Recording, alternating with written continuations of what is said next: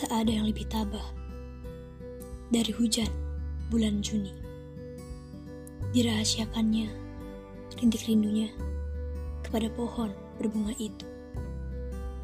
Tak ada yang lebih bijak dari hujan bulan Juni.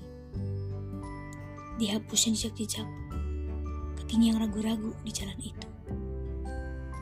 Tak ada yang lebih arif dari hujan bulan Juni. Dibiarkannya yang tak terucapkan diserap akar pohon bunga itu.